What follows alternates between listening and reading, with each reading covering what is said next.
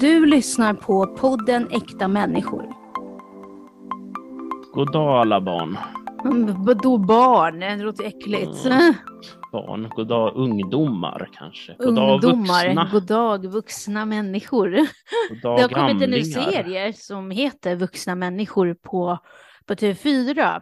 Ja, vad roligt. Ja, och då började jag tänka direkt, men gud, det fanns det inte en film på 90-talet som hette Vuxna människor som handlade om en person som bodde, eller som åkte rulltrappa och han hade så här tvångstankar så varje gång han åkte rulltrappa så typ tredje personen som kom skulle vara han tvungen att ligga med eller någonting, alltså i hans huvud.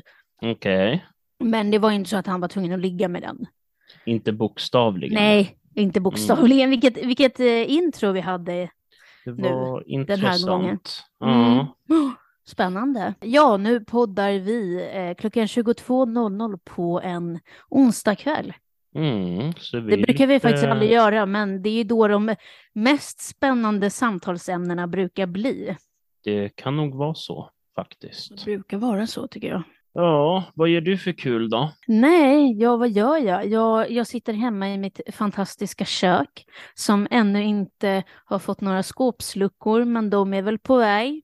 Mm, Förseningar i världen så att säga. Det är väl så. Den Så är stora det. skåpsluckekrisen av 2022. Så är det. Hur mår du? Ja, jag mår väl ganska bra. Kan du någon gång lite- säga så här, jag mår jättebra? Eller, för det, det är alltid så här så melankolisk hela tiden. Ja, men man, man, är- man blir det. det. Det är ju så. Ja, du blir det. Ehm, det är väl lite grann ämnet sådär som vi ska komma in Ja, på. men Inte det- melankoli, men ja, eh, nej, nej, det är det eh, fan inte. Melankoli. det är inte så roligt. Det är ju någon sån här grej för när barn, spädbarn, är det inte det? Nej, det är eh, Kolik. kolik, Mm. just Ja, det. det är kanske en annan grej. Ja, Ska jag, ja, jag mår bra. Nej, jag vet inte. Jo, jag mår bra. Jag är bara jävligt seg. eh, seg och trött efter den här, efter den här dagen, så att säga. Det händer mycket i mitt, i mitt liv just nu. Det låter ju så... Nej, fy fan, jag får inte börja igen alltså. Börja snacka Ja. om ett jävla deppgrejer. Nej, nej, nej. det Men det är mycket som händer privat, så att, så att säga. Men eh, jag mår bra. Jag bor här jag bor och jag mår bra. Så att, Mm. eh, men, men det är mycket som händer privat.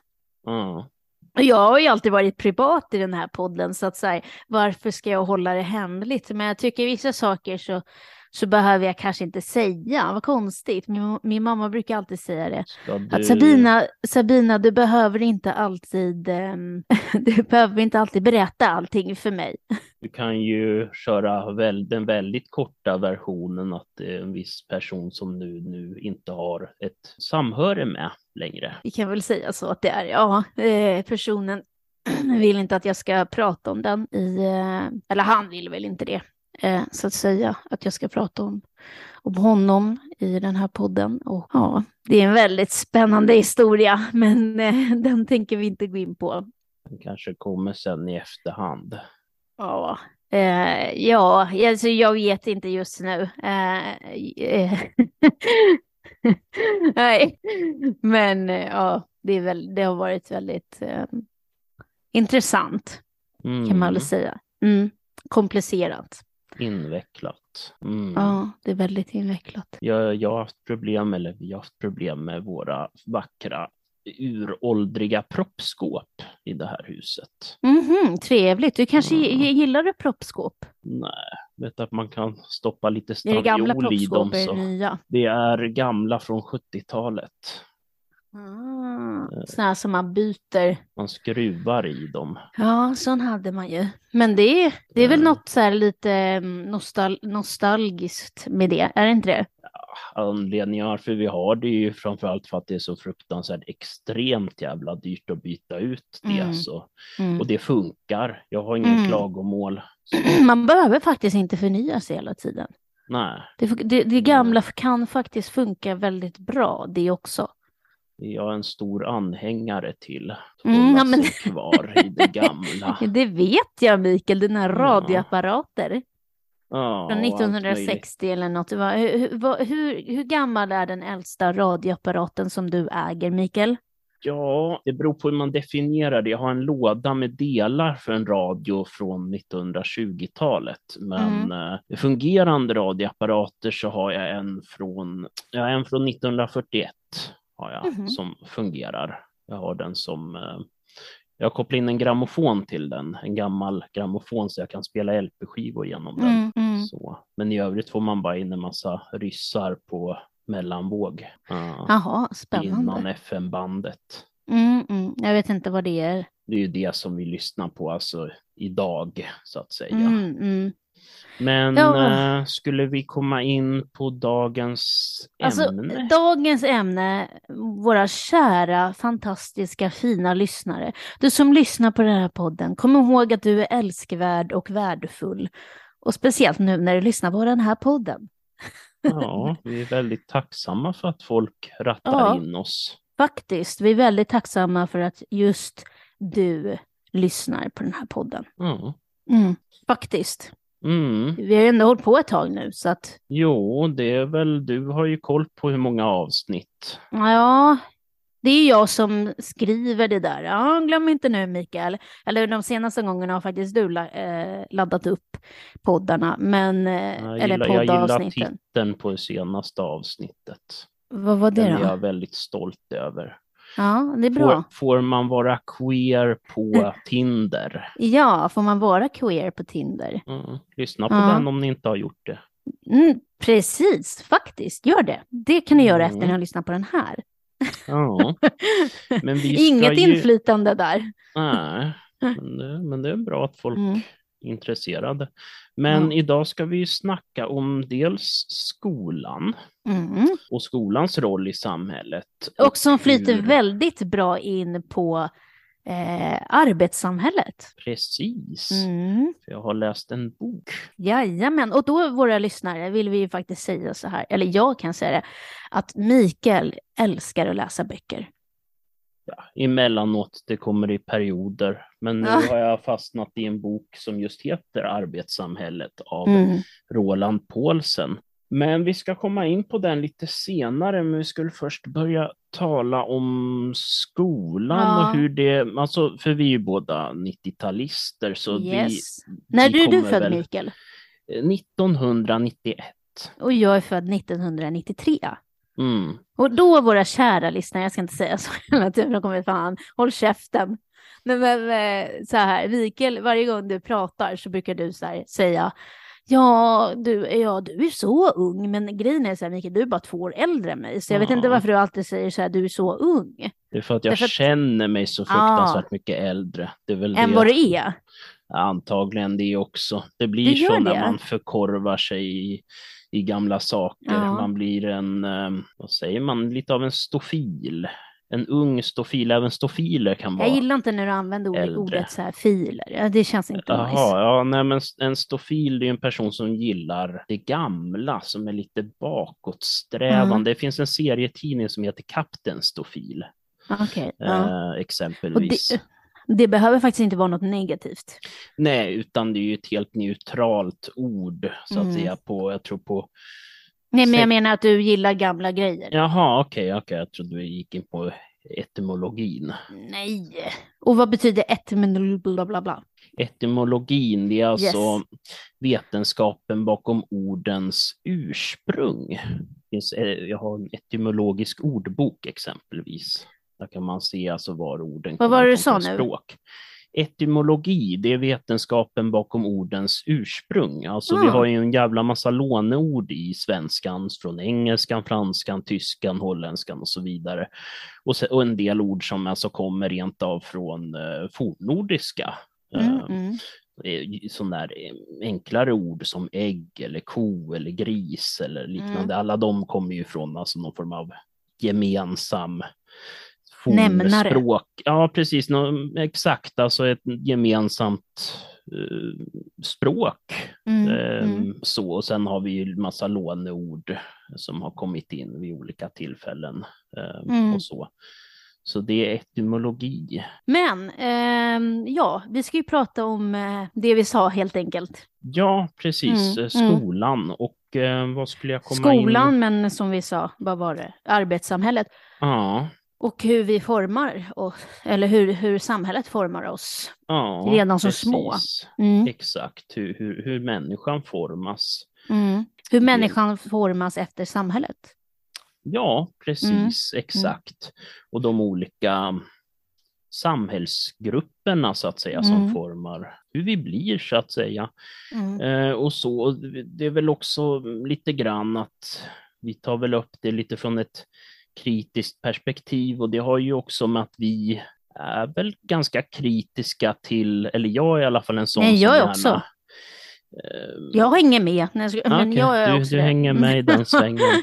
ja. Nej, men just att jag, jag, och det är väl något som jag tror Frida tog upp i Mm. förra avsnittet, att, att vi som kanske har en funktionsnedsättning, vi tänker annorlunda och kanske tänker mer utanför boxen och då blir det ju lättare på, på något sätt att börja fundera på varför är det så här och Mm. hur skulle man kunna göra saker bättre? Mm. Mm. Ehm, och skolan är väl en sån där sak. Jag tänker när du och jag gick i- Redan från dagis? Nej. Och, och, och för de som nu lyssnar och tänker så här, nej det heter inte dagis, det heter förskola. Jo, på min tid så hette det faktiskt dagis. Jo, precis, och det är ju Mm. det där språket ändras ju och det, ju, det, det säger ju kanske ett och annat om de olika generationerna så att säga. Mm. Eh, Men vad jag skulle säga om skolan, när man gick i eh, Alltså vi, vi som växte upp på 90-talet, vi började ju skolan där mot seklets och millenniets slut. Vi skulle- Millennieskiftet. Millennieskiftet, precis. Mm. Eh, och där i, i 1900-talets skola skulle vi ju förstås fostra till att bli eh, 1900-talets arbetare. Men som jag sa så kom ju ett millennieskifte. Och eh, med det också, alltså 2000-talet och även alltså det vi såg på 90-talet, 90-talskrisen, så förändrades ju samhället. Men jag vet inte riktigt om skolan, alltså hängde med i det. Det är ju det och problemet med, som jag ser det, med, med skolans uppbyggnad är ju mycket att det ska ju fostra fabriksarbetare. Det är därför man har klassrum som är uppbyggd på, på det sättet med bänkar och man har klassordning och så vidare. Att det är väldigt mycket fokus på att man ska göra som man blir tillsagd och utföra uppgifter på ett Mm. tillfredsställande sätt. Och att man har olika prov och testprogram för att då försöka sålla fram framtidens arbetare så att säga. Eh, Redan från när man är liksom liten. Ja, alltså från Mm. när, när betygssättningen börjar så blir det ju Vad är det nu? Den går längre och längre ner i, i ålder nu va? precis Ja. exakt. Det finns ju politisk vilja idag att införa mer betyg och test. Vi som har olika funktionsnedsättningar passade ju inte in i skolans system, så att säga. Skolsystemet, så det, var upp, eller så det är uppbyggt, helt Mm. enkelt. Eh, och då hamnar man ju i särskola, Mm. för att man tänker annorlunda. Och jag kan då tycka att det blir fel när man kallar oss för problembarn. För varför skulle vi vara problembarn bara för att vi tänker annorlunda? Vi går liksom Precis. emot det här äh, att nej, men jag tänker inte vara som en, som en av de alla andra, utan redan från när, från när vi, eh, vi var små så, så gick vi emot det här att man ska eh, formas till att bli en av dem som samhället vill att man ska vara.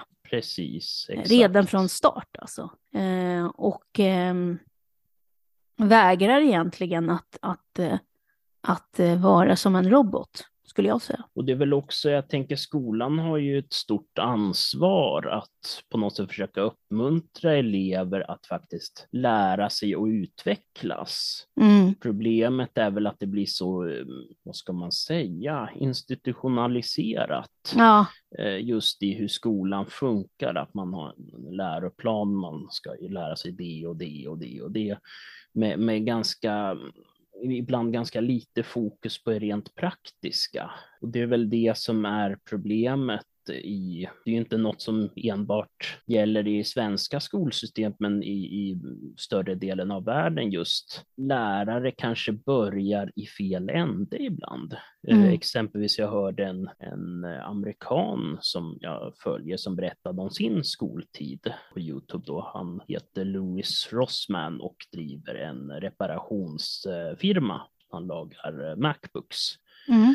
Eh, men han berättade om att som i hans skola, kommunal amerikansk skola, så fungerade det så att för att barnen skulle lära sig läsa, då fick de välja ut en bok av ett begränsat antal böcker från biblioteket. Och sen skulle de läsa, men till böckerna så hade ju förstås läraren skrivit prov. Så när de hade läst ett kapitel, då fick de ett papper de skulle fylla i en massa olika bullshit-frågor. I kapitel 3, sida ja, ja. 37, vilken färg var det på gardinen? Ja, vi orkar inte. Den typen av frågor, vilket förstås vad det ledde till var att de flesta eleverna i den klassen kom att växa upp till att avsky att läsa. Mm. Eh, just för att man läste inte för att det var någon slags njutning i det, utan man läste för att svara på mer eller mindre dumma frågor snarare än att faktiskt bli uppmuntrad att lära sig ta till sig information på ett på ett annat sätt. Mm, nej, men spännande. Och då är det ju så här, ja, då passade man inte in i, i övriga skolan och det, det är just den läroplanen som den övriga, övriga skolan hade. Eh, och då hamnar man i särskolan och eh, eh, ja, Sen när man är färdig med den och då ska man börja på gymnasiesärskola eh, och sen, eh, inte alla, men eh, jag gjorde det i alla fall. Och sen ska man då slussas ut i vanliga samhället. Alltså så här, och, och, få ett vanligt jobb. Men alltså hur, hur tänkte de där? Hur skulle jag ens då klara av ett vanligt jobb? Alltså från början. Mm. När jag slutade gymnasiet, jag menar vad fan, jag har ju gått särskolan hela min eh, skoltid och så ska jag då förväntas att klara av ett vanligt yrke som liksom oftast inte ens är, har någon anpassning. Och då hamnar man ju hos en annan av de fina svenska institutionerna som vi har i det här landet, Arbetsförmedlingen, ja. även känd som Kalle Anka-myndigheten. Och varför då? De, för att deras, trots namnet, trots mm. att de heter Arbetsförmedlingen, så är inte deras varken primära eller sekundära sysselsättning att eh, förmedla arbeten. Det är en, något som kanske upptar något procent av den verksamhet som, som de bedriver. Det huvuddelen, huvuddelen av det de sysslar med är alltså myndighetsutövning. Det mm, är att mm. kontrollera, straffa förmedla olika åtgärdsprogram för mm. de som är arbetslösa. Mm. Det är ju deras huvudsakliga... Det känns egentligen som att de gör allting förutom att hjälpa till att skaffa ett jobb till människor. Mm. Precis, exakt. Ja. Men okej, då går vi in på den här boken som du har läst. Mm, det är ju så här, alltså om man ska vara kortfattad. Problemet i samhället, eller problemet de senaste 200 åren, mm är att vi eh, människor har ju blivit allt mer effektiva på att tillverka saker. Vi har ju haft en allt större industri som, på något, som kan producera allt mer varor med mindre antal arbete. Så för hundra år sedan, eller idag, kan en arbetare producera lika mycket varor som, eh, för mig han sa, fem arbetare för hundra år sedan. Alltså det blir färre och färre personer som behövs för att producera saker. Och vi har ju en tillväxt, alltså att produktionsnivån alltid har ökat logaritmiskt. Den har ökat mer och mer och mer och mer de senaste århundradena. Så idag ligger vi ju på en enorm produktionsnivå trots att eh, trots att vi har en relativt hög arbetslöshet. Vi ska komma in på den också lite senare. Eh, men också att många företag, för det vet jag att det finns statistik kring, att mellan 1970 och 1990 så ökade den amerikanska biltillverkningen tror jag, med 30 procent samtidigt som de minskade antalet anställda. Det tillverkades mer bilar, men det fick gå flera fler än vad de anställde i fabrikerna. Mm, konstigt. Ja, men det är eftersom, som jag säger, det är ju, fabrikerna blir mer effektiva. Mm. Man går från att ha löpande bandet där varje arbetare gör en sak om och om igen till att man har löpande bandet med olika maskiner som hjälper arbetaren att utföra de eh, delarna till att man får primitiva automatiska maskiner som gör det och sen därefter så kommer robotarna in i hela. Mm. Så um, jag vet ett konkret exempel på det var att det var en person som jobbade just för ett företag som erbjöd sån där åtgärdsprogram för Arbetsförmedlingen. Han berättade att han hade varit arbetslös en lång tid. Han hade jobbat på en stor lastbilstillverkare i, i Sverige och med att montera inredningen i styrhytter. Men han förlorade jobbet, jag tror han blev sjuk. Sen när han kom tillbaks, alltså, eller när han sökte igen eh, det jobbet, då hade det blivit ersatt av en robot. Mm. Så helt enkelt så har man en ökande automatisering, vilket gör ju också att färre, det behövs färre arbetare. Inte nog med det, att man har ju också mer och mer olika hjälpmedel idag. Eh, kan ju vara bra också. Det kan vara bra. Jag skulle säga att min tes är ju att själva varken robotarna eller hjälpmedlen är dåliga i sig. Problemet är ju hur de utnyttjas. Just att, att man inom industrin ersätter arbetare, vilket gör ju att de då helt enkelt inte har något arbete längre. Problemet är ju att då innebär det att de är arbetslösa och där, därefter inte får någon ersättning, samtidigt som företagen gör rekordvinst år efter år efter år, framför allt då alltså storföretagen. Nu, har, nu just nu så ligger vi i en svacka. Mm, det de, gör vi ju verkligen. För de flesta sådana här större företag går ju ändå med vinst. Och varför gör de det? För att de ökar sin produktion hela tiden. Mm. Det är, ju, det är ju en ökande... Men är det något negativt? Det kan vara något negativt eftersom vi enbart har ett jordklot att leva på och ju mer, alltså om vi tar lastbilar som exempel, ju mer lastbilar som tillverkas, ju mer eh, resurser behövs det ju. Även nu för tiden många resurser som är bristvaror för tillverkning av olika batterier och liknande så, så är det ju vissa grundämnen, litium och annat, som det är, råder en brist på jag tror mm -hmm. det råder en brist på just Vad då, då? litium. Eh, för att det är ämnen som förekommer i väldigt liten utsträckning i jordskorpan och dessutom att många av de ämnena... Men använder man inte litium till människor som är bipolära i medicineringen? Det tror jag också, men det används även i tillverkning av eh, batterier tillsammans med andra ämnen. Mm. Men så det är ju ett problem just att också att många av de ämnena råkar befinna sig i länder, eh, konfliktdrabbade och väldigt fattiga länder, framför allt mm. i den afrikanska kontinenten, eh, där barnarbete och slavlöner och liknande är väldigt förekommande och även konflikter, väpnade konflikter om de resurserna. Ehm, så den ökade produktionen och det är en del av det, är det som är motorn i vår, eh, vårt samhällssystem. Att mm. företagen måste, får aldrig stagnera i ett kapitalistiskt... Vad betyder stagnera? Eh, stagnera, det innebär att de inte nödvändigtvis går dåligt, men att de inte längre går med vinst. Att de inte ökar sin produktion och ökar sin, eh, vad ska man säga, sina intäkter. Om ett mm. företag drar in lika mycket år för år för år för år och producerar lika mycket, då betyder det att det stagnerar och då börjar det gå neråt mm. i dagens mm. Eh, system, vilket ju gör att... Um, Så kontentan i det här då? Kontentan är ju att det är den vanliga arbetaren som är förloraren.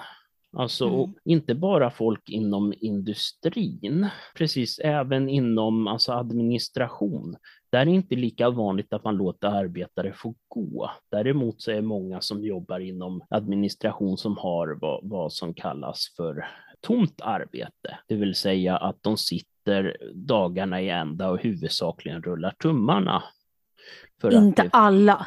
Inte alla, långt ifrån alla, men det finns en stor grupp som på grund av att, och det har ju mycket med att arbetstiden idag är åtta timmar, men med dagens hjälpmedel som vi har, datorer, internet, den infrastrukturen och, och digitala tjänster, så kan man jobba mer effektivt. Uh, och det gäller ju förstås inte alla. Många har ju ett stort behov av att connecta med andra personer som har andra arbetsuppgifter för att de är del i ett stort system.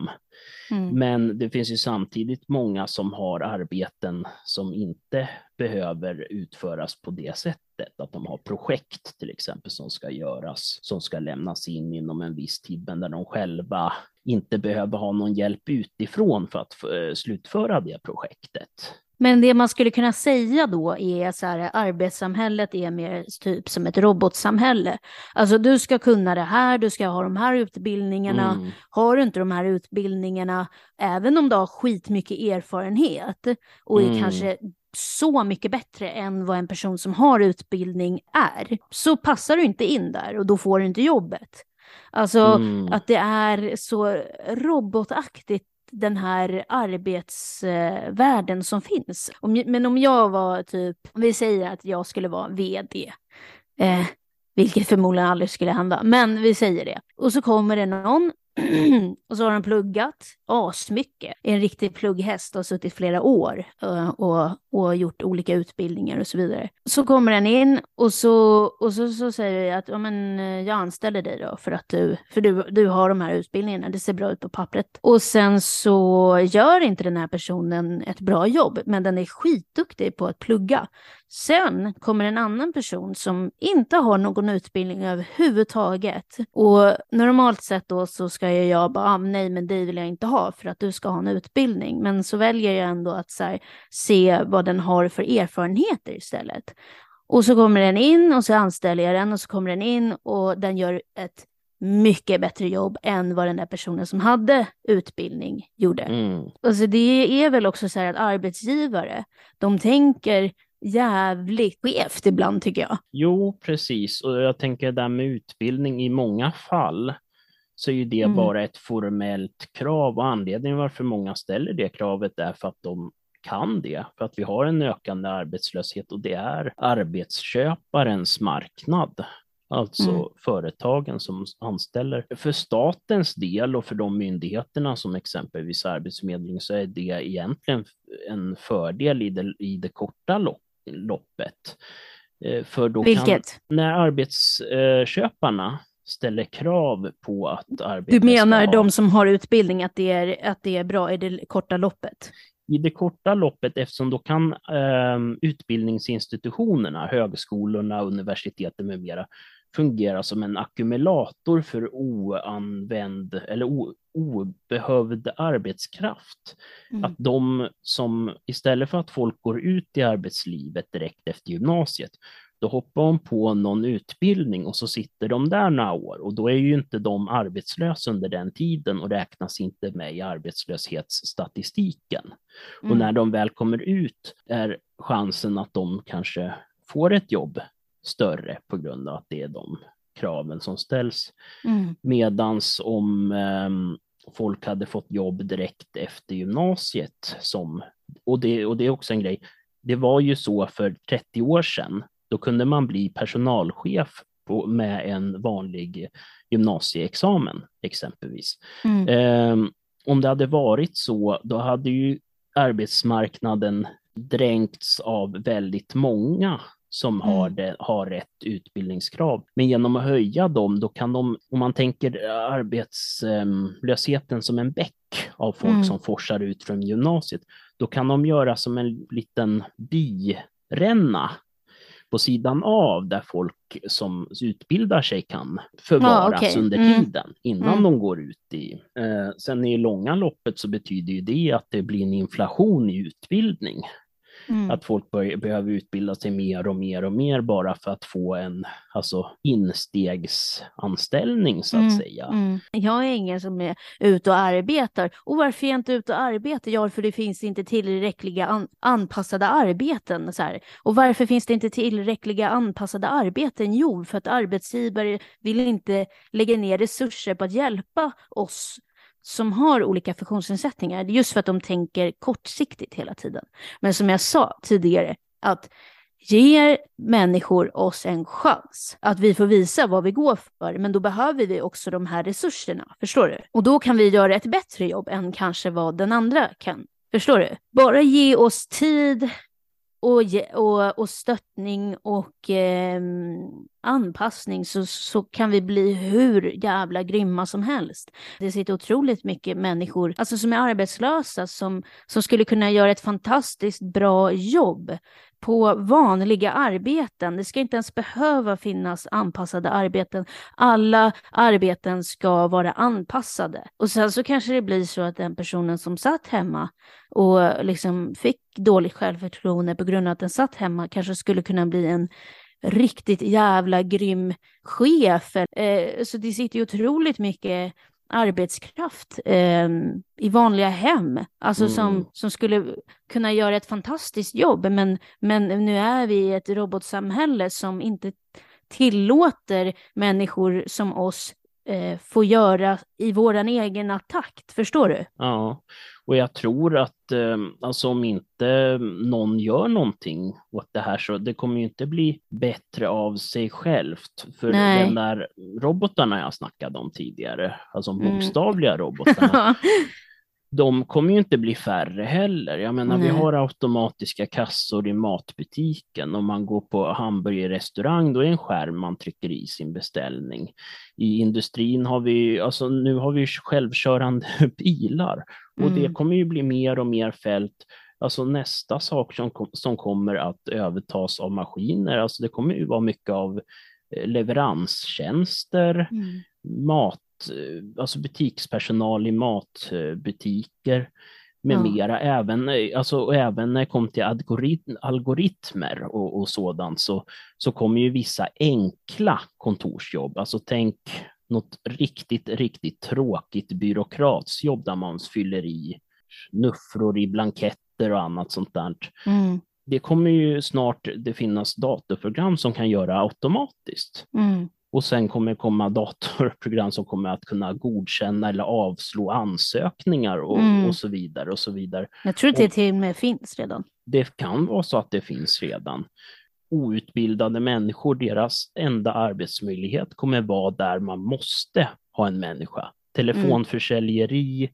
kundtjänst McDonalds. och säljpersonal. Mm. Ja, McDonalds kan jag säga att där har de faktiskt redan utvecklat en maskin som kan göra en Big Mac Aha, automatiskt. Så, så, snart kommer det vara en maskin också. Ja, men när jag typ satt på en McDonalds så kom det en robot som skulle servera personen det, det den hade beställt. Okej. Okay. Mm, det är helt sjukt i Sverige. Ja. Jag kommer inte ihåg vart det var någonstans, men det kom en robot och, och, och serverade liksom den personen mm. den, det den ville ha. Eller det han hade beställt. Ja det är ju något som redan finns och förekommer i till exempel Japan och Kina och andra väldigt eh, robotar, eh, vad ska man säga, eh, automatiserade länder. Mm. Eh, Men då tycker ju ändå folk så här, fan vad coolt, det kom en robot och bara serverade den personen det de ville ha. Det är mm. skitbra, mm. men samtidigt så har vi ökad arbetslöshet. Ja, det, det blir på något sätt ändå fel. Alltså så här, Eh, bara för att man ska gå från något som har, ja, så här, ja, vi ska inte tänka, tänka gammalt, vi måste tänka nytt, vi måste tänka nytt, så är det så att det är jättebra i vissa fall att tänka nytt, men ibland så måste man också kunna hålla kvar vid det gamla också, för mm. att det nya, för att det ska gå bra ihop ändå. Exakt. Men sen en sak som jag skulle vilja säga, det är också så här att till exempel Arbetsförmedlingen, eh, de sätter ut folk på olika praktikplatser och så här, det här ska vara bra för dig och bla bla bla, men oftast leder det inte någonstans. Eh, man får oftast göra skitjobben liksom som, som de anställda. Ja, ah, precis, som de andra anställda vill att man ska göra för att de själva inte vill göra det. Och det är så här, men varför ska man gör, få göra skiten? Som sagt, det lär upp den allt, allt den kan om jag jobbade, om jag hade ett, ett företag säger vi, jag, jag vill lära den allt jag kan, för, för, för jag kanske kommer behöva det i framtiden. Förstår du? Mm. Alltså om mm. jag kan lära upp en människa det jag kan, då kan vi starta ett företag. Eller så kan den komma med i mitt företag, så kan vi bli kanske världsbäst, alltså på just den grejen som, som jag har startat. Att ingen vill lära någon annan det den kan, om den inte får betalt för det. Men om man tänker långsiktigt så kan man faktiskt lära sin familjemedlem något som man själv kan eller lära sin vän något som man själv kan och är jätteduktig. En, det är en investering inför framtiden. Ja, att man exakt. helt enkelt låter de som kommer som praktikanter lära sig allt som, som man tycker att de, ja allt som, som man sysslar med i verksamheten. Sen i... kanske inte man ska ge bort det där guldkornet, om man nu inte vill det.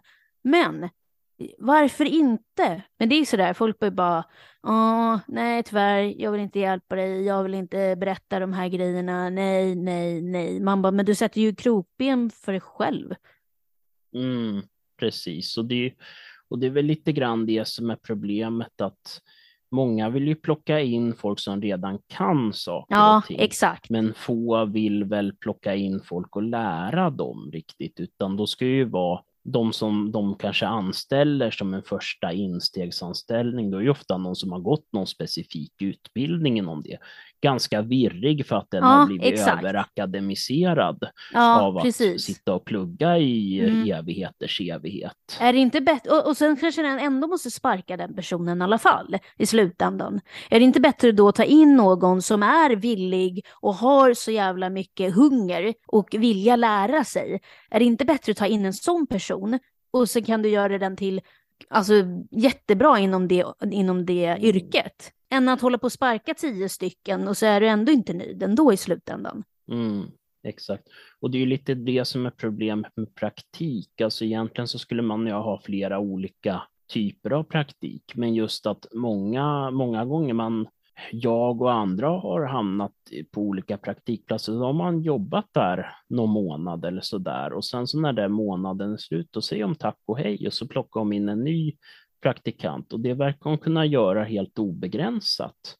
Jag kan ju tycka att antingen så har man en praktik som ska vara att man testjobbar där och sen får man en anställning eller att man har en praktik där man kanske inte får en anställning men där man ska lära sig allt som går att lära sig. Mm. Där det är hela premissen och då kanske man ska göra, alltså då, det kunde man ju kanske ha genom gymnasiet eller ja, grundskolan. Ja. Att, att, eh, att man sista året, att man går till en praktikplats och det jag vet, det, det finns ju redan, men att man kanske skulle fokusera mer på det. Mm. Mm. Sen är ju problemet också, tänker jag, nu kommer jag in på skolsystemet igen, men just gymnasiet, mm. att i många fall så förväntas man ju välja vad man vill göra i vuxenlivet när man är 15 år. Mm. Man ska välja gymnasiet. Och vem fan, alltså ingen kan ju säga att de hade en minsta aning om livet när de var 15 år. Men precis, man är typ så här 30 bast snart, eh, 29. Och vet, jag vet fortfarande inte vad jag vill göra. Jag har sett det idag och liksom bara så här, men vad vill jag verkligen? Alltså så här, vad vill jag göra? Vad vill jag jobba med? Vad, vill, vad mm. brinner jag för? Visst, jag kan gå och sätta mig på Willys och må skitdåligt för att jag mår inte bra i den miljön. För att jag har ADHD, jag orkar inte med alla ljud, jag orkar inte med alla människor, jag blir stressad. Mm. Eh, och sen så, och så går jag hem och så orkar jag inte göra någonting på helgerna för jag är så jävla utmattad från det där jävla jobbet. Då tänkte jag så här, okej, okay, det bästa för mig är att kanske sitta vid en dator och jag gillar att hålla på med media liksom. Och du mm. också Mikael egentligen. Um, eller egentligen, du gillar det. Ja, Eller hur? det är en av de sakerna jag sysslar med. Ja, och då satt jag och tänkte så här, men vad vill jag göra då? Jag vill hålla på med media. Ja, vad vill jag göra mer? Ja, men jag är fascinerad över hur hur kameror är och hur eh, så här, video. Eh, jag gillar att redigera, jag gillar att klippa, redigera videos. Och då tänkte jag så här, vad skulle man kunna göra för utbildning i det då? Så började jag googla lite och så, ja då kom det upp så här, men film och, och, och eh, filmproduktion. Mm. Eh, och så tänkte jag, det vore ju jävligt intressant. Så nu är jag inne på det, så här, ja jag vill hålla på med någonting med sånt. Och se liksom vad det finns för utbildning i det. Och, men jag vet fortfarande inte, kanske nästa vecka så vill jag inte det. Men så att, ja, man, jag vet inte om man är helt, man kan inte alltid vara så bestämd på hela tiden vad man vill göra. Men, men jag, jag vill hålla på med sånt. Mm. Jag vill hålla på. Jag, och det passar mig mycket bättre att få sitta nu kanske inte det är just filmproduktion, det är ju liksom en större mekanism kan det ju vara, men det kan väl också vara att man sitter och redigerar på sin dator. Mm. Ja, alltså film, film kan man ju redigera på en dator mm, idag. Mm. Och där, det skulle passa mig mycket bättre att göra det i min tystnad och, och, och jag får bestämma själv hur jag vill jobba och hur jag vill göra eh, och vara så kreativ som möjligt än att sitta på Willys. Mm, precis. Och vara en, eh, som en robot liksom.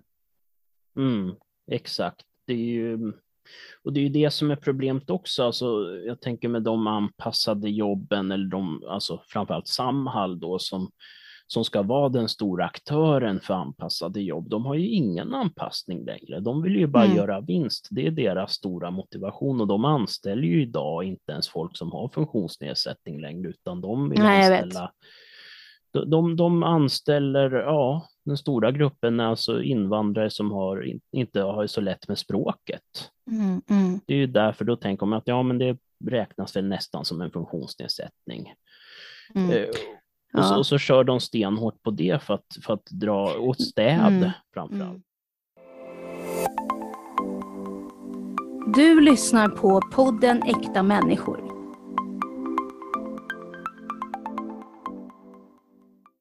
Men Mikael, vad tror du då, alltså det vinnande konceptet, eh, vad tror du det är då? För ett bra arbetssamhälle som inte ska trötta ut människor och som ska egentligen eh, göra att människor mår bra av att gå och jobba. Vad tror du mm. är nyckeln till det? Ja, alltså det är ju, och det är något som de har debatterat, alltså olika arbetskritiker har debatterat om fram och tillbaks, för, för det ämnet som boken handlar om, det är ju det som kallas för arbetskritiken. Mm. Eh, men just hur bygger man ett samhälle där folk kan få ett bra liv och där man inte blir beroende av, eh, av eh, hårt fysiskt arbete. Och vad han kommer fram till där är väl två saker som jag fastnade mycket för. Det ena är ju förstås att man gör precis motsatsen vad regeringen har gjort, nämligen sänka arbetstiden. Mm. kanske sänka den till sex timmars arbetsdag. Eller fem timmar. Eller, fem eller fyra. Timmar, eller ännu mindre. Alltså i och med att vi har en Eh, vi har ju kommit så långt i vår effektivisering idag, så det finns ju inte samma behov av att precis alla arbetsgrupper i alla sektorer i hela landet ska arbeta åtta timmar eller mer. Det finns gott om jobb som skulle kunna automatiseras i större utsträckning och det finns gott om jobb som kanske rent av skulle avskaffas. Telefonförsäljeri exempelvis, eh, för att de inte fyller någon funktion för någon egentligen. Det andra han snackade om, det var medborgarlön. Och det är ju någonting, alltså, det är förstås som folk säger att det finns ingen gratis måltid och så vidare. Men man kan ju tycka att i och med att vi har ett samhälle där det finns en enorm mängd olika bidrag som olika personer med olika förutsättningar kan söka och kan få avslag på. Ja, precis. Som har olika förutsättningar. Nu menar jag funktionsnedsättningar. Dels funktionsnedsättningar, men det finns vissa bidrag som man kan söka om man till exempel är nyanländ eller om man har ah, plötsligt ja. blivit sjuk och så vidare. Mm, alltså det mm. finns ju massa olika. Ja. Men att man istället för att man har en massa olika bidrag, att personer som tjänar, alltså är till exempel arbetslösa och tjänar då mindre än en viss summa, att de då får, eh, alltså inte bara de som är arbetslösa utan det är även de som har låglöneyrken, får utöver det ett bidrag som är alltså utan någon motprestation. Det skulle ju göra att dels bland gruppen långtidssjuka, funktionsnedsatta med mera, med mera skulle få en drägligare tillvaro. Istället för att man ska kämpa och behöva överklaga och överklaga och överklaga olika sorters bidrag bara för att få kunna betala mat och hyra man istället har den grundtryggheten och sen att man kan arbeta utöver detta och ändå behålla sin medborgarlön förutsatt att man inte tjänar någon Men du får bara lön. medborgarlön om du jobbar eller du behöver inte Nej, jobba? man får den oavsett vad, för det finns ju gott om människor Men som då är det inte ingen kan. idé att jobba ju. Ja, det är ju det som är övervägningen, men också nu när jobb, en massa jobb försvinner och folk Men då inte får de ju kan a-kassa. Ja, men det är ju en begränsad ersättning och det är ju en massa olika motprestationer. Men tänk så här, alltså om 10-20 år, om samhället fortsätter som det är, då kommer ju ännu fler jobb försvinna. Då kommer ju många människor inte kunna ta ett vanligt jobb eftersom det inte finns ett vanligt jobb. Och vad har man då? Man har väl kanske gigekonomin, men det hjälper ju inte folk egentligen. Det är ju mer bara en parasit på Mm. samhällssystem i samhällssystemet. Nej, men det var ju två reformer som han talade om och jag, jag tycker just att grundtesen i hela är ju att som samhället ser ut och hur samhällsutvecklingen fortsätter så måste man ju hitta en lösning när allt fler människor inte kommer kunna få ett jobb. Mm. Och det är ju också, tekniken utvecklas hela tiden. Varför ska inte tekniken kunna befria oss från arbetet? Det är ju det också. Hur menar du med befria oss från arbetet? Att om det kommer in en maskin som tar ditt jobb, om du säger, Mm. om vi tar Willys exempelvis, om det kommer en robot som kan göra precis samma jobb som dig, men dubbelt så effektivt. Varför ska du bli av med ett jobb? Varför skulle inte du kunna leva ett bra liv då och få pengar och kunna leva det? För jag menar, maskinen tjänar ju in sig själv. Willys och andra företag tjänar ju mer och mer pengar. Kan man inte beskatta dem då och omfördela? För det handlar ju om omfördelning. Vi får mer och mer resurser hela tiden. Varför ska vi inte omfördela resurserna så att alla kan få ett drägligt liv? Istället för att några är rika som troll medan andra svälter ihjäl. Mm. Jag vet inte vad jag ska säga, eh, för att jag är inte så insatt i just det. Ta med mig boken så får du läsa den sen. Ja, absolut, ja. Mm.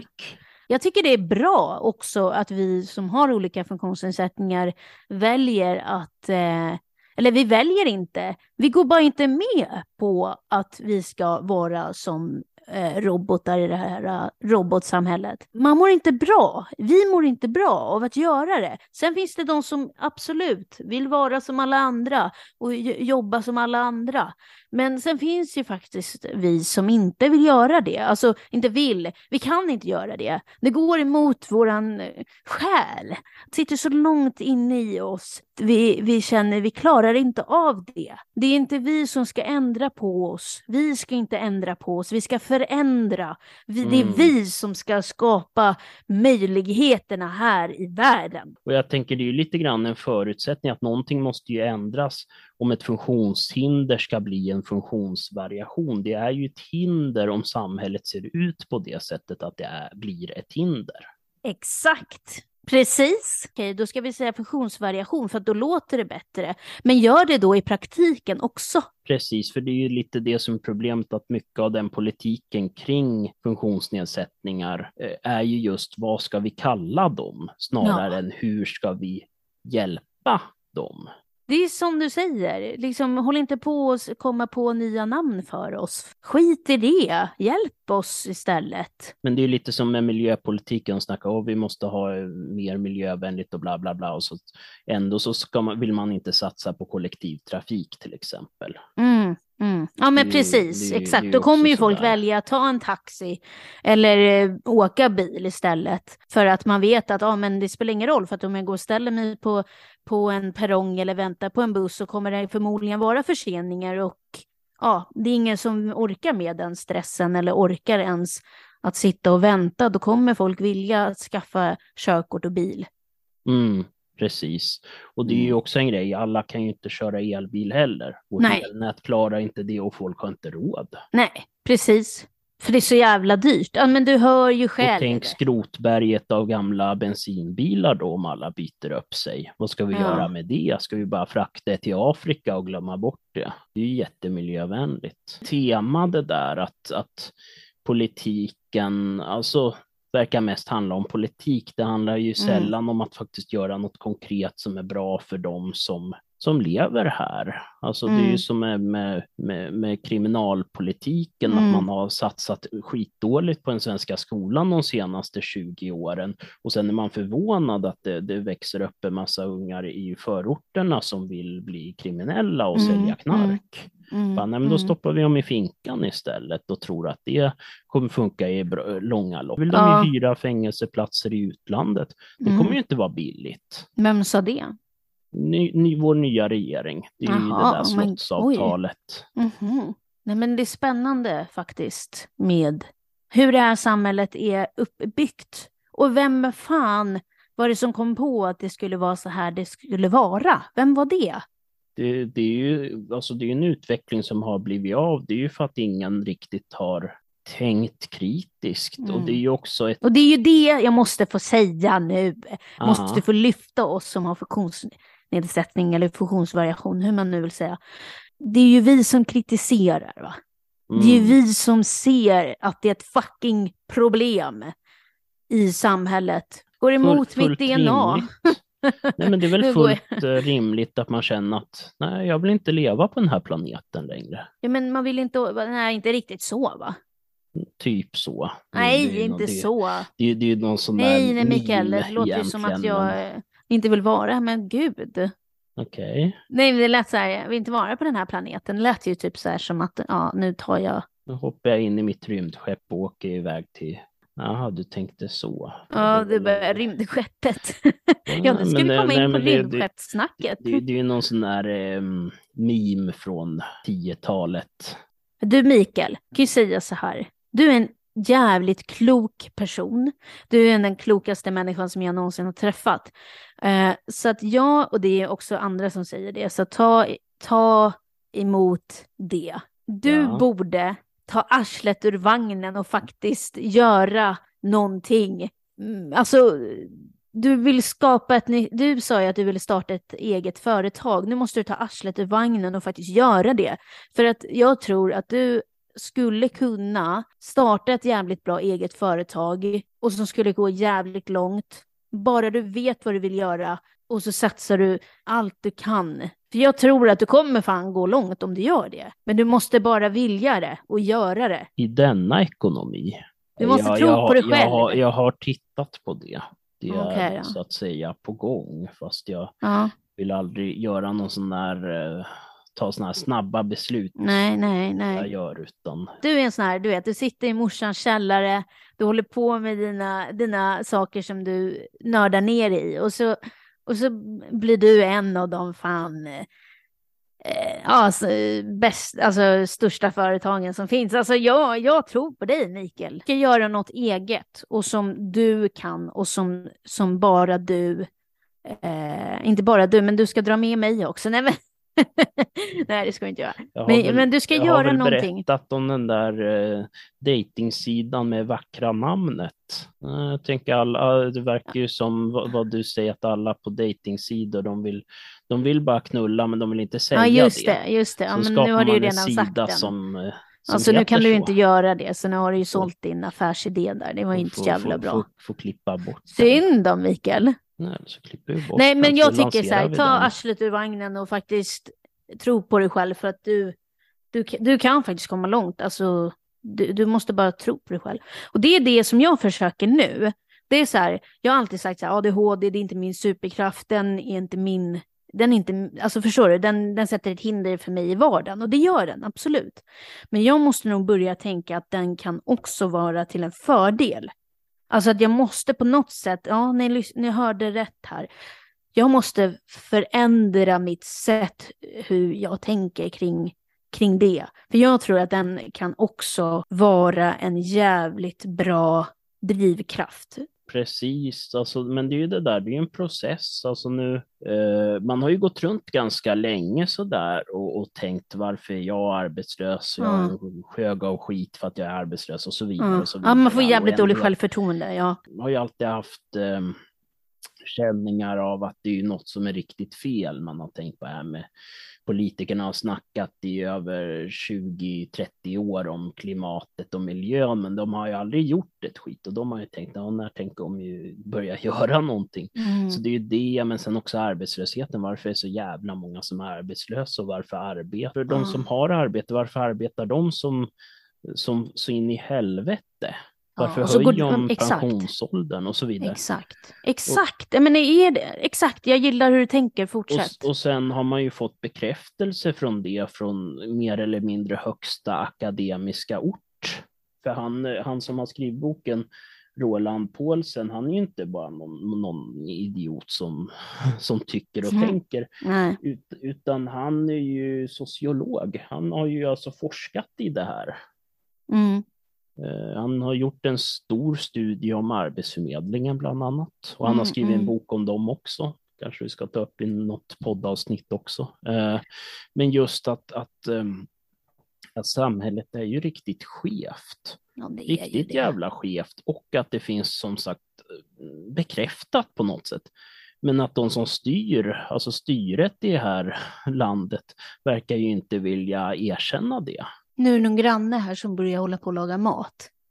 Trevligt. För vi har samma fläktsystem eller det är no någonting som gör att när någon börjar laga mat så låter det hos mig.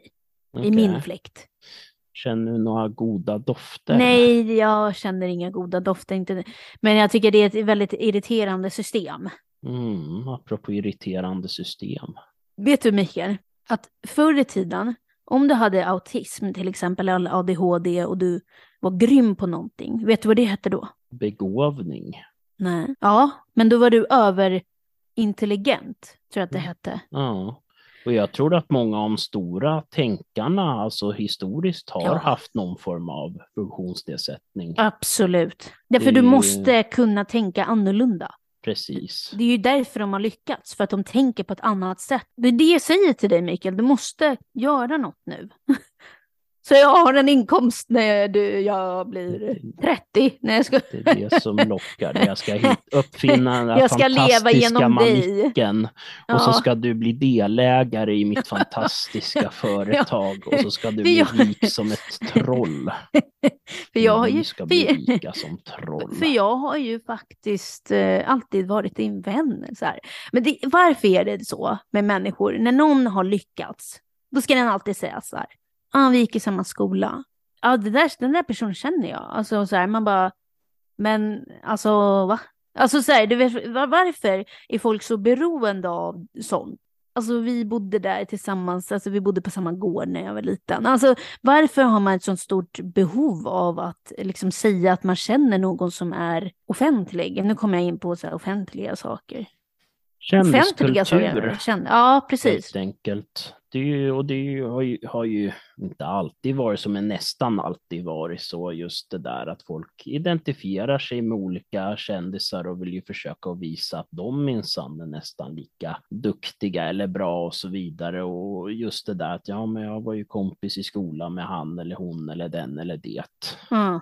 Så, men så det, är, det är ju typ som Zlatan. Han var, han var ju liksom, ja men från Rosengård och du vet sådär, äh, stökig unge liksom. Och sen mm. så bara, han var en av dem till att när han blev du vet, riktigt stor och bara, mm. ja men han kommer från Sverige. Han, han är en av oss nu. Precis, det skulle de ju aldrig säga när han bodde där. Nej, alltså jag tycker det är så jävla fult på något sätt. Mm. Att hålla på mm. så. Jo, precis. Men det är ju det där, då har han ju kommit in på något sätt i de fina salongerna. Ja, alltså jag tycker det är jättekonstigt. Det är typ som så här, vi säger nu, så, så, så är inte du någon grej, alltså någon grej.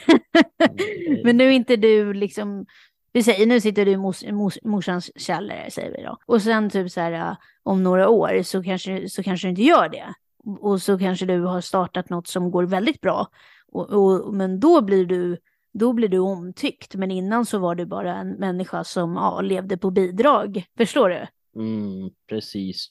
Hur och folk det... kan ändra sitt ah. sätt att se på människor. Bara för att man blir någonting. Mm. men man är, är fortfarande ju... samma person. Ja, ofta är det ju så att folk från ens gamla liv då börjar helt plötsligt höra av sig, folk Ja. man kanske inte har snackat med på tio år. Eller Exakt. sådär, någon från gymnasiet eller något sånt där dumt som bara, ja hej, åh, hej, hej, hej, hej, åh, jag vill komma och snacka med mig och bla, bla, bla. Ja, ja. Och sen om, om man nu skulle börja snacka med någon sån om man hade pengar, då skulle ju förr eller senare skulle det komma till Ja, jag skulle behöva låna lite pengar. Ja, fy fan. Det är så sjukt liksom hur folk får ha så skev syn på, på människor. Typ till exempel om någon är städerska eller städare så ska den ha lika mycket respekt som en människa som är vd. Alltså det spelar ingen roll vad du har för yrke. Du måste kunna, folk måste ha samma syn på dig oavsett. Hälsar Mm. du på, på chefen, ja men då hälsar du för fan på städerskan också. Hon gör ju ett jobb, utan henne så hade inte ni kunnat vara där. Alltså allting går ju ihop.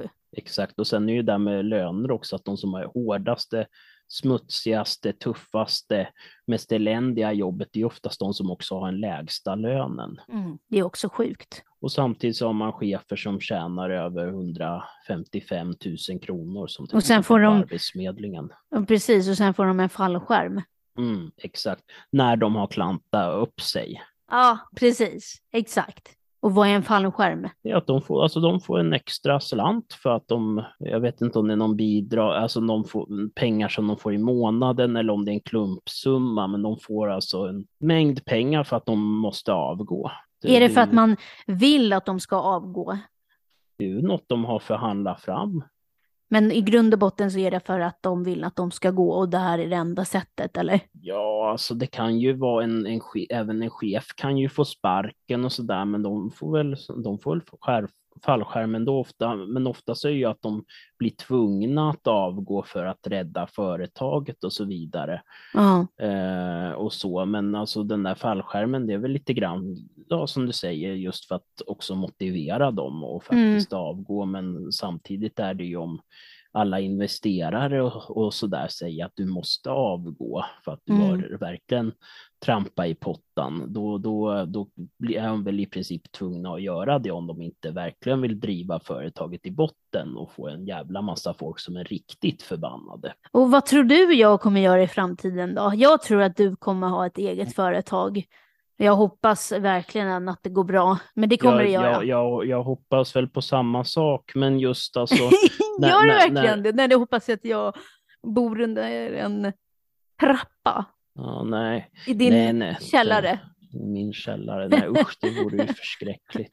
Ja. Nej, men, men jag hoppas ju att du kan hitta någonting som du verkligen brinner för att göra Mm. och att du kan göra det och att du kan få ersättning för det. Att du, du kan så att säga syssla med det du verkligen vill göra och Ja. leva på det. det. Och det vill väl egentligen alla här i livet. Ja. Ehm, ja, jag tror att alla vill göra egentligen det man brinner för, men då är det Mm. alltid så här några moralmänniskor som ska säga så här, eller realistmänniskor, kan man säga så? Så säger de så här, Mm. "Ja, men du ska tänka realistiskt, du kommer inte kunna göra det där, du kommer inte kunna försörja dig på det där, du kommer inte kunna göra det där. Alltså, alla sådana människor, de visar ju bara sin limit liksom. Mm, precis, och det är ju lite jantelagen som kommer fram där. Ja, eh, och så. Men sen är ju också, alltså det är ju så konstigt egentligen att arbete sällan verkar, alltså vad man tjänar verkar avgöras hur meningsfullt det är. ja. Alltså Ja, det, det där är så jävla sjukt, för då, då kan man bara gå till, till sådana här dagliga verksamheter. Vad är det, typ 10 kronor i timmen? mm, Det är så här, ja men de här människorna, de behöver inte, eller vi, så här, vi, vi behöver, ja, de, ah, de tänker ju så om oss, så här. de behöver inte så mycket, de får ändå aktivitetsersättning eller sjukersättning eller så här, så de behöver bara 10 kronor i timmen. Men då kan man ju faktiskt börja undra, eller börja tänka så här, Ja, det kanske är därför folk inte vill gå till dagliga verksamheter, för att de får ingenting för det. Men gör så här istället, att ge oss mer om vi Mm. går oftare, öka den och minska aktivitetsersättningen, så kanske det blir en morot att gå till de här dagliga verksamheterna. Det är klart att ingen vill gå till dem om det är så att man bara får 10 kronor i timmen. Man måste ju kunna locka lite, alltså förstå vad jag menar? Och på det sättet så kanske man kan komma ut i arbetslivet också För att Mm. okej, okay, vi ser, okej, okay, vi kan få pengar av att jobba på en daglig verksamhet. Hmm, jag kanske kommer kunna eh, få ännu mer om jag går och jobbar på ett vanligt jobb. Förstår, inte vanligt, men ja, vad det nu Mm. blir. Ett jobb liksom som egentligen inte borde behöva vara anpassat för att det ska finnas vanliga. Mm, Fattar du vad jag menar? Att det, liksom, det ena leder ju till det andra. Ja, precis, exakt. Det, ja, alltså det, det, det Fan, måste... det var en jävla bra poäng, Mikael. Ja. Jo, exakt. Och jag tänkte säga också att det, ute i det stora samhället så är det också så märkligt att en person som jobbar för till exempel en välgörenhetsorganisation står på en loppis där och, och, och bland dammiga kläder och hostar och har sig Mm. eh, och försöker tjäna in pengar för, som ska gå till tredje världen eller vad det nu kan vara. Mm. Den får inte ett öre för det. Ofta är det ju pensionärer som inte har någon Volontärer eller vad det heter. Ja, precis. Det är ju en ren volontärgrej. Samtidigt kan Ja. man sitta i ett kontor och ringa upp stackars pensionärer och tvinga, nästan tvinga på om olika tjänster de inte behöver och få en eh, god lön för det. Mm. Mm. Alltså det ena är ju en moralisk handling. Man försöker Mm. hjälpa folk som har det svårt och det andra är ju en omoralisk handling. Man försöker att utnyttja folk Ja. som är i, i, i en eh, sån ställning att de kan bli utnyttjade. Och det är ju då, då kommer vi tillbaka till typ Arbetsförmedlingen. Där, de, där, där man ofta blir utnyttjad liksom. Eh, Mm. Ja, och blir mer utnyttjad och mer utnyttjad på gratis arbetskraft. Mm. Alltså jag tycker verkligen så här, varje jävla arbetsgivare som tar emot gratis arbetskraft ska fan i mig i som belöning till de här personerna som går och gör den här jävla praktiken, tycker jag att de ska fucking anställa dem sen. Precis. Faktiskt, och det ska faktiskt vara skriftligt också. Så här, ja, efter den här praktiken så kommer jag anställa den här personen om den uppfyller de här kraven som krävs. Mm. Oftast uppfyller man ju de kraven som krävs, men ändå vill de inte för att de har inga pengar i slutändan i alla fall. Mm. Så det är liksom det är så jävla konstigt. Mm, precis, det är ju lite grann det där och på något sätt plocka russinen ur kakan och, och eh, alltså på något sätt kringgå gå systemet där. Mm. Lyckas ha en massa anställda utan att ha någon anställda. Det är därför folk bara vill typ sätta dem på timmar. Typ timvikarie, för då behöver de inte anställa dem och då kostar de inget. Mm, precis. Och det Är det ju, inte så? Ja, exakt. Och det har ju utvecklats till någonting riktigt groteskt. Nu finns det ju till och med sms-jobb och en massa sån där jobb där man inte är anställd utan man förväntar sig och ja, man, man ska få besked över sms då över du kan få jobba de här timmarna med Mm. väldigt lite marginal, alltså väldigt kort där innan och så förväntas man tacka ja. Du kan ju tänka dig vad det gör med en persons sociala liv. Mm, ja, exakt, exakt. Så jag menar, det, ju, det blir groteskt på något sätt med alla sen- dessa icke-anställningar. Så att, Hela Mm. systemet är bara så jävla dumt. Och det kan du ju säga, Mikael, att du har faktiskt, faktiskt synat deras verksamhet. Du har ju det. det. Det har jag ju, både alltså med egna ögon, men sen har jag ju läst också. Så jag vet ju hur deras system funkar och hur, alltså de har en fasad utåt, Arbetsförmedlingen, Mm. som ska likna att de är väldigt proffsiga. Tittar vi i en svensk myndighet, vi vet vad vi sysslar med. Men sen om man skrapar lite på det, eller om som Roland Paulsen, om man får tillgång till att vara bakom kulisserna, pluppar ju Kalle Anka upp där. Då är det ju alltså, som aktivitetsrapporten, när den kom, Ja. ingen inom Arbetsförmedlingen hade blekaste aning om vad som skulle finnas, vad alltså om arbetslösa skulle skriva där i. Jag vet inte om de fortfarande vet det riktigt. Men det finns fortfarande en sån här funktion, skriv in något övrigt som kan ha med arbete att göra. Ja, så där skulle man kunna skriva in, jag läste en branschtidning för svetsare. Och det skulle säkert räknas som en arbets, eh, en, en aktivitet som får, för en närmare arbete. Eh, Okej, i- Mikael. Ja. Vad fan, jag vill inte vara girig, men man är ju det. Man vill ju alltid ha lite kosingar. Ja, men alla vill ju det. Man vill ju kunna köpa sitt egna levebröd. Jo, precis. Det, är ju, Mm. det är ju det. Man vill ju ha sitt e sin, man vill ha sin egna kåkjävel och man vill ha sin ge- egna markhelvete. Det är Eller det hur? man vill ha. Ja. Om man har det, då är i alla fall en sak tryggad. Men, Eller hur? Och så. eh, Men just att man har en trygg plats i livet. Ja. Ja, men precis. Det vill vi ju alla ha. Mm. Men sen är det ju så, alla kan inte arbeta. Ja, och jag är Mm. väl en av dem. Och det är så här, alltså jag blir så jävla irriterad på typ så här när man är inne på Tinder eller, men du vet, man är ju så, fan alltså, jag har pratat om Tinder så jävla många gånger i den här podden. Det är ju fan som att jag bor på hela, på hela appen, nej men bor på, på appen. Mm. Eh, men, men det är så jäkla sjukt alltså, för att det var typ en person som skrev till mig för ett tag sedan och typ som jag hade matchat, med förut för länge sedan och, och så. Eh, men den hade sån otroligt otrevlig attityd emot mig. Och så skrev person, eller han skrev typ så här, ja men hej, ja vad gör du nu för tiden? Jag bara, vadå? Ja, alltså vad menar du typ? Mm. Ja, då vad vill du veta? vad du jobbade med. Ja, han bara, ja men eh, du jobbade inte sist eh, vi pratade. Man bara, nej, det gjorde jag inte. Ja, nej, men alltså, eh, det är inte kul att jag ska behöva jobba och du ska bara vara lat. Och inte jobba. Man bara, men jag är inte lat. Det handlar inte om lathet. Är du helt jävla... Om man, om, knäpp man, i om man huvudet. säger så, då kan man ju tycka att då borde de väl ha ett jobb att plocka fram. Ja, precis. Ta fram ett jobb då, så ska vi då se. Alltså det är inte så att jag själv vill vara på det här sättet, att jag vill inte ha ett jobb, bla bla bla. Dessutom är jag på någon sån här dagverksamhet just nu, två gånger i veckan.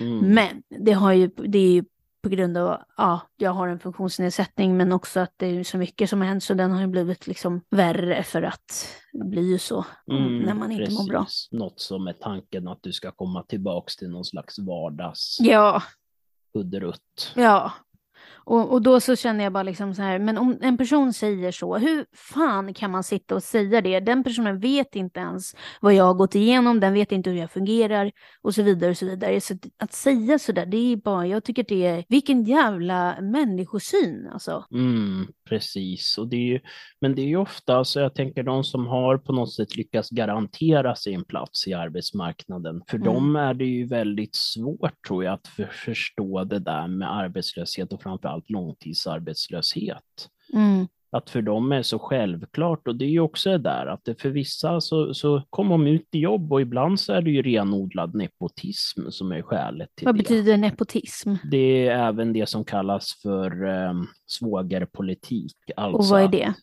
Ja, att den som äger företaget råkar vara en släkting till en själv. Mm, och att mm. det är så som man har trillat in. De där alltså, personliga sociala kontakterna. Om man har Mm. rätt kontaktnät, då blir ju allting mycket lättare. Ja, då har man ju glidit in lite på, på, på en räkmacka lite så. Mm, exakt. Alltså jag har så stor respekt för de där människorna som har jobbat sig uppåt. mm, Alltså i livet och har liksom kanske varit så här maskrosbarn eller du vet, har, eller som oss har någon funktionsnedsättning och verkligen liksom så här äh, jobbat sig uppåt och inte har fått allting serverat. Går på en trappa, man halkar ner lite och så går man upp, alltså du vet den där kända trappan. mm, Eh, ja, stor respekt för, för, för människor som, som har lyckats liksom med att göra det. Eh, trots alla, alla som säger att man inte kommer att lyckas. Mm, precis. Och hur kom jag in på det? Mm. Ja, vi snackade om... Eh, vad fan var det vi snackade om? Svågerpolitik var det, just det. Men, eh, men jag vill också säga till er som lyssnar och som är i min, som min situation, att man inte jobbar just nu och så, och har en funktionsnedsättning, så menar jag ju också så här, jag har också stor respekt för er också, Mm. alltså och mig själv, eh, att om man inte orkar så orkar man inte, och man är inte Mm. någon, någon sämre människa för det. Så det lät som att jag inte hade respekt för människor som inte har jobbat sig upp, och det var inte så jag menade. Nej, Eller är det jag som tänker fel nu? det är, jag, jag tror det är du som tänker lite Mm. konstigt just... ehm, Okej. För, för jag menar, det är ju ett samhällsproblem. Det är ju inte ens person, alltså det är ju inte fel på en själv för att man inte Nej. har ett arbete, utan det är ju för att samhället är gjort och riggat på det sättet Exakt. att det är väldigt svårt att få ett jobb och att det ofta kräver en visst mått av nepotism och mycket tur. Och gärna dessutom att man har rätt utbildning och rätt erfarenhet och råkar vara på rätt plats vid rätt tillfälle och så vidare. Um, så det är väl det. Samtidigt så finns det ju folk som har mot alla odds lyckas. Ja. Och sen finns det ju en ännu större grupp som har lyckats på grund av att de har fått rätt stöd och att det har funnits ett välfärdssamhälle som har hjälpt dem eh, att, att lyckas så att säga. Så. Och, men idag så har vi inte samma förutsättningar, vilket ju leder till att det är färre personer som lyckas mot alla odds för mm. att de har ännu fler odds mot sig. Varför tror du att folk som till exempel har autism och ADHD lyckas, du vet, till exempel att skapa någonting som till exempel konst, att de kan typ leva på sin konst eller men någonting. Vad, mm. vad, vad, vad tror du är just med det? Jag, jag, jag, jag tror att man helt enkelt tänker annorlunda och att man mm. tänker utanför ramarna. Mm. Och att man har ett stort intresse och drivkraft inom det mm. man är intresserad av. Alltså det är lite grann som man ser idag, nördar som är väldigt insatta i det som de gillar. Alltså det finns ju, nu finns det ju Marvel-nördar och det finns DC-nördar och så vidare, folk som är jätte och förstås Sagan om ringen och med mera, mm. med mera, men som är superinsatta i det och så. Men det finns ju också folk som är superinsatta inom andra saker. Det som är superinsatta inom entreprenörskap eller jätteduktiga på teknik. Alltså mm. det finns ju en del fantastiska alltså ingenjörer, både utbildade och självlärda, som, som har byggt saker som är helt makalösa. Mm. Just för att de har haft sån kunskap och hantverkskänsla i det de sysslar med. Nikola Tesla är ju en sån där klassisk exempel. Han kunde inte tala med kvinnor. Det är jättesvårt Vem är det? Han var en uppfinnare under sent 1800-tal och början av 1900-talet. Det har ingenting med bilen att göra. Inte bilen, han uppfann växelströmmen bland annat och eh, eh, växelströmsmotorn. Och han kunde eh, inte tala med kvinnor eller vad Han hade jättesvårt med sociala samspelet med kvinnor och han hade panikattacker och han hade so sociala fobin. Han var jättes och gillade ibland att helt isolera sig i sin kammare. Men han byggde ju enormt fascinerande maskiner och det är också han som i princip har uppfunnit hela det moderna kraft, alltså elnätet som vi har idag är ju en, en av hans uppfinningar. Jaha, men se där! Men han, han Mikael, ju... du kan mycket. Ja, ja. Alltså det är det jag säger till dig, alltså du kan så jävla mycket om, eller så här, du kan inte väldigt lite, men du kan mycket om väldigt, väldigt mycket. Allmänbildning. Ja, men det är inte allting som är allmänbildning som du kan.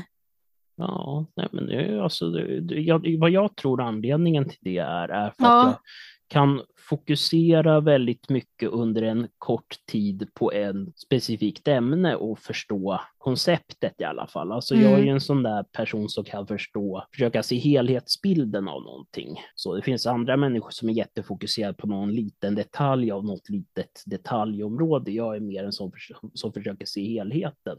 Mm. Så, så det är ju så där och jag sitter ju mycket på nätet så ibland snubblar jag över alltså antingen artiklar mm. eller Youtube-videos över saker som jag egentligen inte, som egentligen inte tillhör mina intresseämnen, men som jag klickar på ändå och tänker, ja men det här kanske är intressant att lära men det, sig. Det där är så jävla coolt, för att jag skulle aldrig kunna göra det eller orka, jag skulle aldrig trycka på någonting som jag typ inte har ett intresse för och bara sitta och läsa om det ämnet liksom. Det är det ja, jag menar. Men, att det, du, men det är väl att ja. det kanske inte är så specialintresse, men att det på något sätt ryms under någon form av intresseparaply. Ja. Det finns ju okay, vissa grejer som jag absolut aldrig skulle vilja läsa om eh, teoretisk matematik till exempel, det skulle jag ju aldrig klicka på för att det är fullständigt obegripligt och ointressant.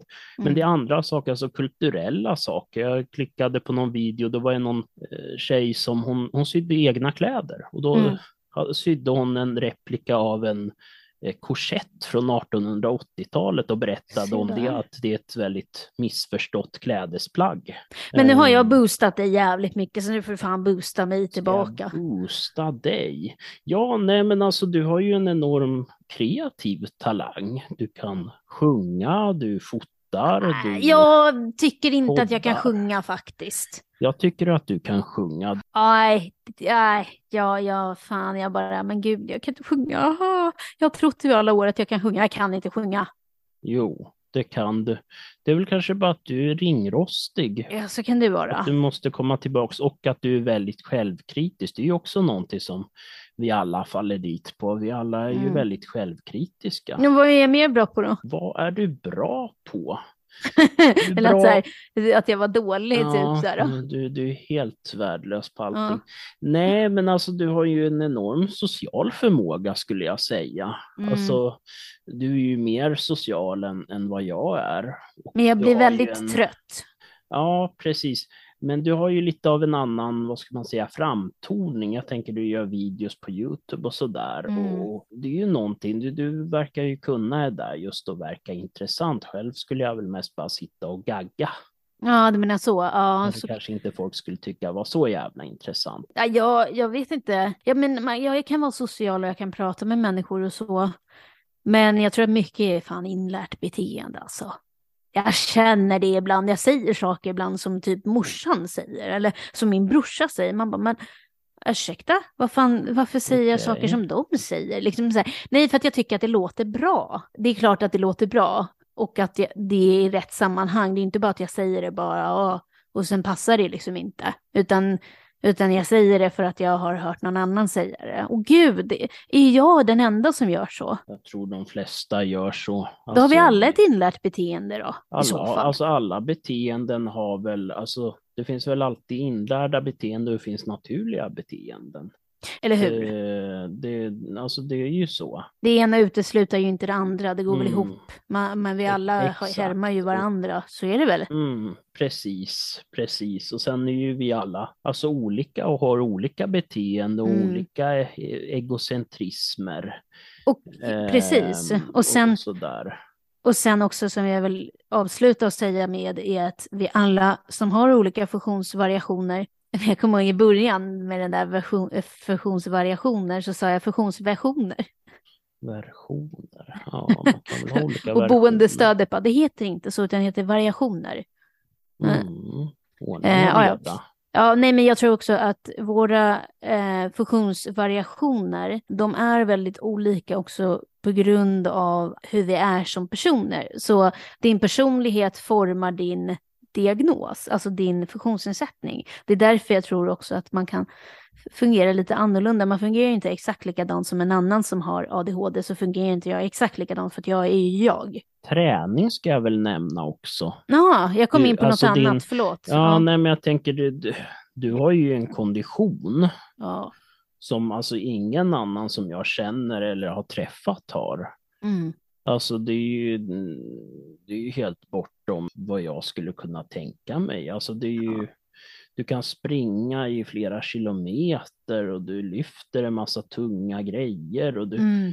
håller på på gymmet tills du storknar och man tänker, vad fan, själv hade man ju fått hjärtinfarkt efter tio minuter. Det, Ska men, vi avsluta då? Vi kan avsluta. Tack så jättemycket för en trevlig pratstund, Mikael. Mikael. Mikael.